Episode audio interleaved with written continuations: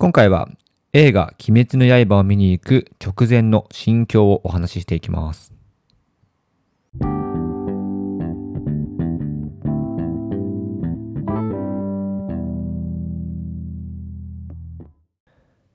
皆さん、こんばんは。ヒロトのふらーっと独り言。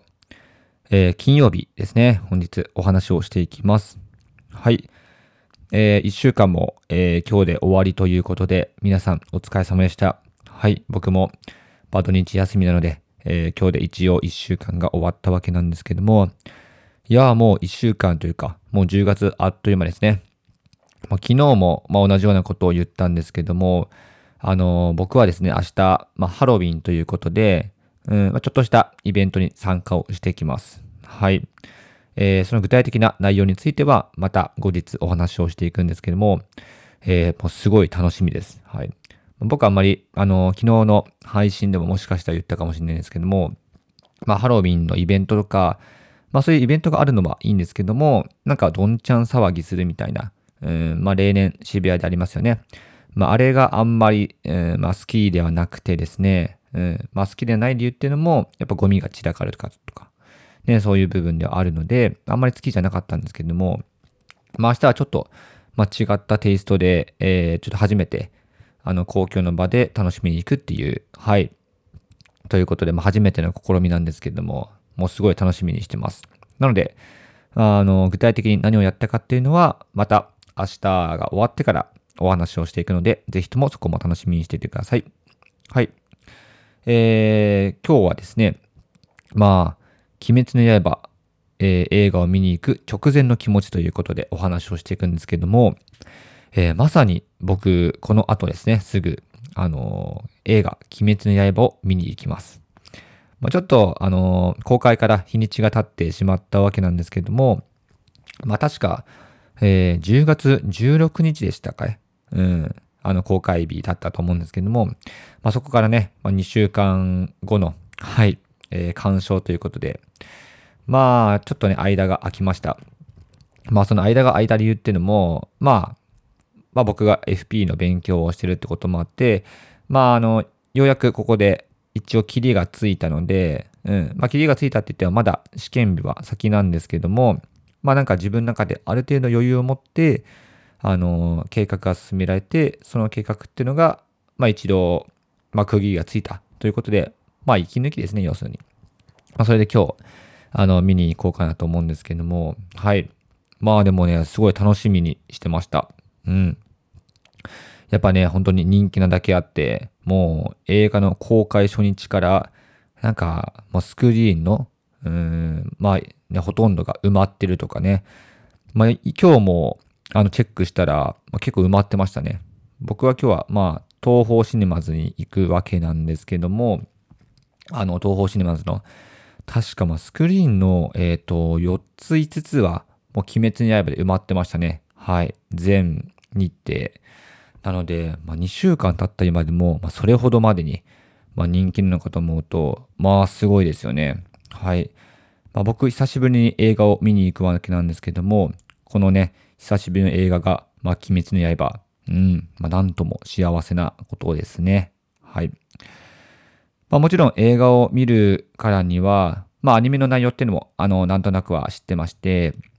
で、まあ、漫画も一通り、いや、二、うん、2回かな。2回、3回。まあ、3回目はちょっとね、かいつまんで読んだりとかね。まあ、一応熟知は、はい、してるわけです。うん。まあでもですね、もともとこの鬼滅の刃見始めたのが、あの、僕は姉の影響がすごい強いです。うん。なんかその、鬼滅の刃が本当に流行り出したっていう時には、まあ正直、うん、この絵、あの、アニメ、まあどうなのかなってね、あの、まあちょっと、まあ疑問じゃないですけども、まあ多少興味はありつつも、うーん、なんか、まあそんな積極的に見なくてもいいかなってね、まあぐらいに思っていたんですけども、まあ姉が結構そういう、まあアニメとか、なんですかね、まあキャラクターとかが、まあ好きでして、うん、まあそこら辺の感性は僕とは、まあちょっと違うなってね、部分が、まあすごい感じるんですけども、まあその姉がですね、まあ鬼滅の刃の、まあ、漫画を、まあこぞって、まあ、買ってきてくれて、うん、まあそれで、まあ、ヒロトも読みなよっていうことでね、一応勧められたので、まあ、せっかくだからね、まあ、気にもなってたし、まあ、読まない理由はないかなと思って、まあ、読んでみたら、まあ、もうね、もう出だしから止まらない止まらない。はい。やっぱり、まあ、人気というか、うん、まあ、これだけもう国民的なアニメになったわけもあって、やっぱりもう、ま、引き込まれる部分が多いんですよね。うん。まあ、なんか個人的に思ったのは、うん、まあ、結構鬼の、まあ、鬼退治？うん。まあ、えっ、ー、と、まあ、主人公の、ま、家族が殺されて、で、その家族の、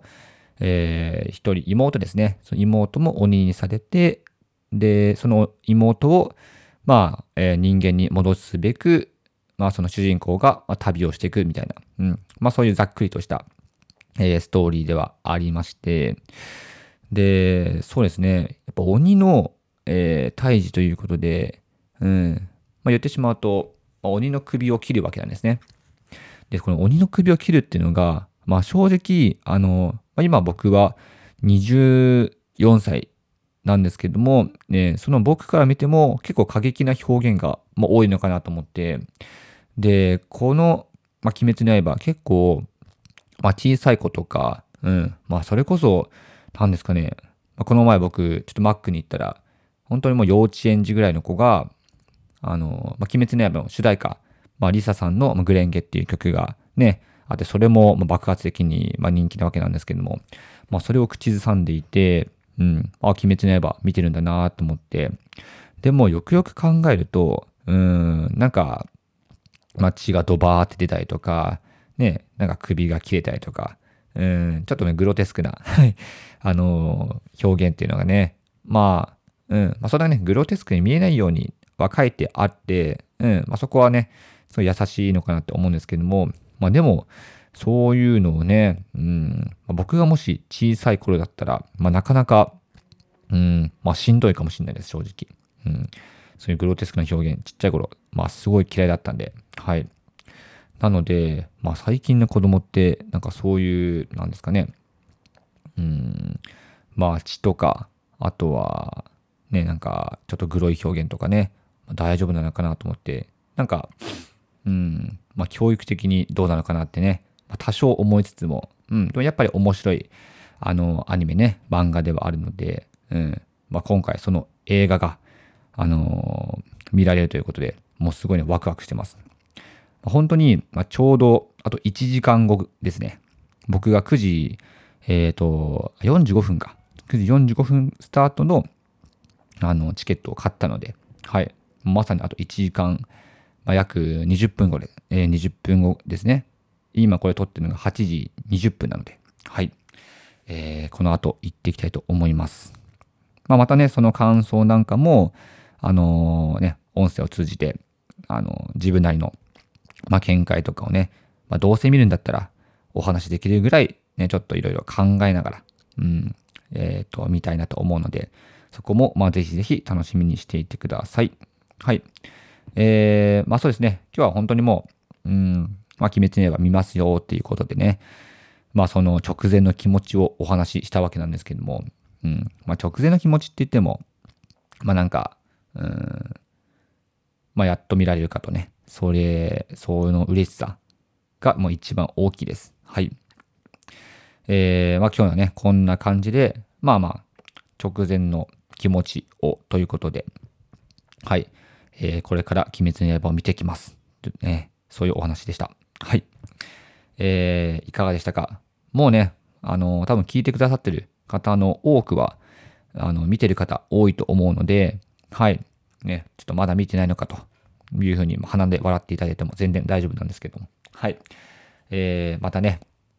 見終わった後に、まあ、僕なりの、うんまあ、映画の面白かったなと思う点とか、あとは、やっぱり学べてた点とか、うん。まあそういった部分なんかも、えー、紹介していきたいなと思うので、ぜひぜひ楽しみにしていってください。はい。えー、今日はこんな感じで映画鬼滅の刃を、えー、鑑賞する直前の心境ということでお話をしてみました。いかがでしたでしょうか、えー、また明日以降も元気に配信していくのでよろしくお願いします。それでは、バイバイ。